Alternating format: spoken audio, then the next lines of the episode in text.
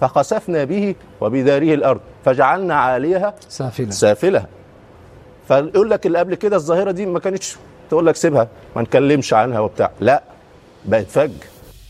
قطر بتدافع عن الهوية العربية والإسلامية في مواجهة الش- اللي بيروجوا الغرب الكبر ده اللي كلنا سمعناه عن الأزمة بخصوص المثلية الجنسية في كأس العالم 2022 هل الغرب جاي ينشر المثلية الجنسية في منطقتنا فعلا؟ وهل في إجماع على المثلية في الغرب أصلا؟ طب هو مش من حق قطر تدافع عن دينها وهويتها وعاداتها وتقاليدها؟ وماله الغرب شغل نفسه قوي بالقصة دي يعني؟ والسؤال اللي بمليون دولار هل قطر ضد المثليين فعلا؟ أنا محمد شوشة ومعايا سالي حسام في بودكاست سين جيم في دقائق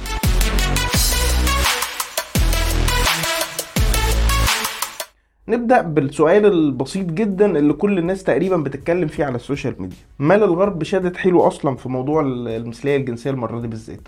هو أنهي غرب فيهم عشان نفهم القصة؟ أصل الكلام في الغرب عن الغرب ككتلة واحدة في النقطة دي مش دقيق قوي يعني. والموضوع محل انقسام شديد جدا في أمريكا وأوروبا. آه وصل لتوصيفه إن هو جزء من الحرب الثقافية اللي شغالة دلوقتي. في فريق اللي هو بنسميهم الليبراليين على سبيل الدلع يعني أو التقدميين أو اليسار أو ايا كانت تسميته. ده بيروج للقضية بشدة. وبيزقها لملاعب تانية معقدة وبينشرها في كل الساحات المتاحة. الناحية التانية بقى في الفريق المحافظ اللي شايف إن الموضوع دخل في افوارة ومزايدات. وإن يا سيدي حق كل واحد يختار ميوله آه ماشي. بس بلاش نعرض الموضوع بالشكل المبالغ فيه قوي ده. حلو. يعني أنت كده هفهم من كلامك إن قطر مش لوحدها. أمال بقى ليه سابوا كل ده وجم على أرمط وركزوا في القصة؟ يعني ببساطة كده قطر اختارت تسويق الموضوع بالإيمج الغلط.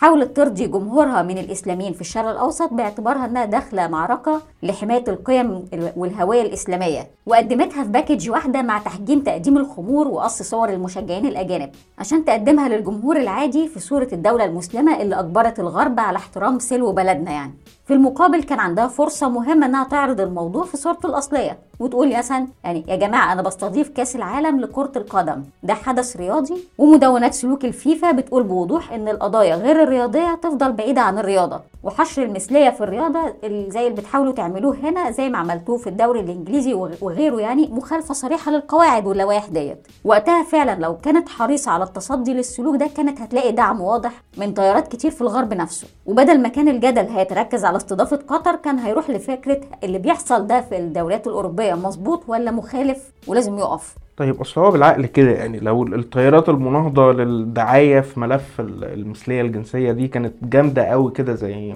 زي ما بنفهم منك طب ما كانت تدعم نفسها في بلدها إيه يعني إيه ذنب قطر إن هي تدخل في في خناقة زي دي المفروض إن هي مش بتاعتها أصلا؟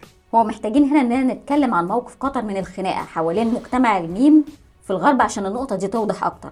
قطر يمكن بدون قصد هي داعم قوي للتيارات السياسية اللي بتروج لمجتمع الميم أصلا. إيه؟ لا لحظة واحدة. دي عشان بس هشرح لك اللعبة بتتلعب إزاي بقى.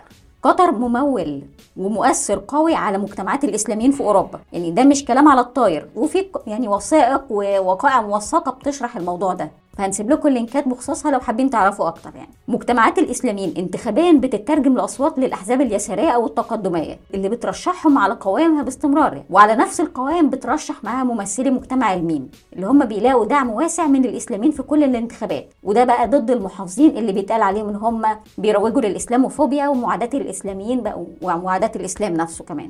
فلو رجعنا التصريحات الفترة اللي فاتت هتلاقي إن مرشد الإخوان الراحل إبراهيم منير في جلسة استماع في البرلمان البريطاني قال إن الإخوان ما عندهمش موقف معادي للمثلية وإنها حرية فردية. نحط بقى ده جنب مشهد تاني للنائبة الديمقراطية إلهان عمر اللي هي بتهني المثليين بشكل علني وبتدعم حقوق المجتمع الميم. غير بقى النائبة المسلمة التانية رشيدة طليب اللي دعمت تعليم الأطفال في المدارس عن المثلية الجنسية وده برغم احتجاجات المسلمين في ميتشيغان. فنظريا قطر بتقول إنها بتدافع عن الهوية لكن عمليا هي بتبقى بتدعم المثلية بشكل غير مباشر. طيب معلش سالي أنا برضو في نقطة يمكن تكون مش واضحة هنا يعني إيه اللي يخلي الغرب اللي كلنا عارفين بشكل تقليدي إن هو عنده انفتاح على الحريات أكتر من كده بكتير؟ إيه اللي يخليه يقف عند موضوع زي ده أصلا؟ لأن القصة ما بقتش قصة حريات هي بقت خناقة سياسية. اليسار بيروج إن هو حامي المستضعفين في الأرض يعني. القايمة هنا بقى عمالة تتوسع كل يوم عشان تضم دوائر انتخابية جديدة. يعني الأول المرأة وبعدين الأقليات العرقية.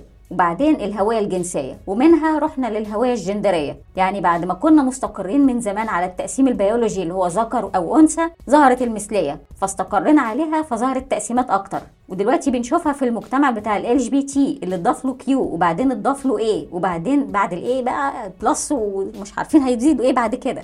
خصوصا إن حاليا الليبراليين بيدافعوا عن حق الذكر البيولوجي إن هو يصحى الصبح ويقول لك أنا حاسس نفسي أنثى بدون ما يعمل عمليات تحول أو أي حاجة. فلازم المجتمع بقى كده إن هو يقبله كست لدرجة إن هو يدخل حمام الستات أو لو اتسجن يدخل السجن بتاع الستات. ولو كان رياضي يدخل رياضات المنافسة النسائية أو حتى يدخل مسابقات ملكات جمال عادي بقى.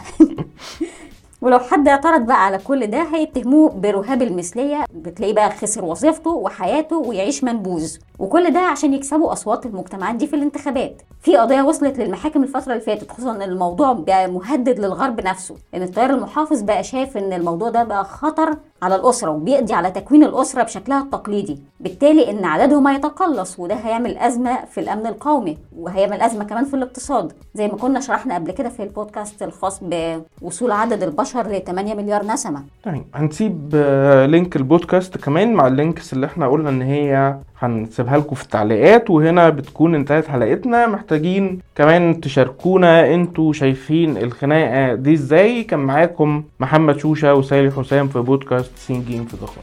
استنونا الحلقة الجاية من بودكاست سين جيم في دقائق.